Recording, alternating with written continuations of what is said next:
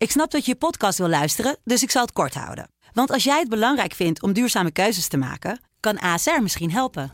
Nou hoor ik je denken, hoe dan?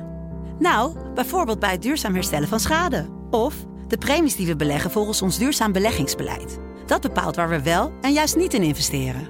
Wil je meer weten over welke duurzame keuzes ASR maakt? Ga dan naar asr.nl slash duurzame keuzes. ASR doet het. Zo, dan kan je nu lekker naar je podcast luisteren. Dit is Kwestie van Centen, de financiële podcast van De Telegraaf.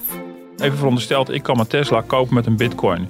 Wat heb ik daar als consument aan dat dat kan? Met scherpe analyses van Martin Visser Ik denk dat de centrale bank redelijk klem zit.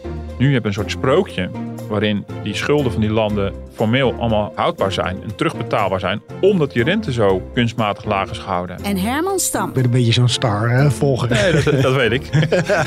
Vind ik gewoon mooi. Elke vrijdag een nieuwe aflevering.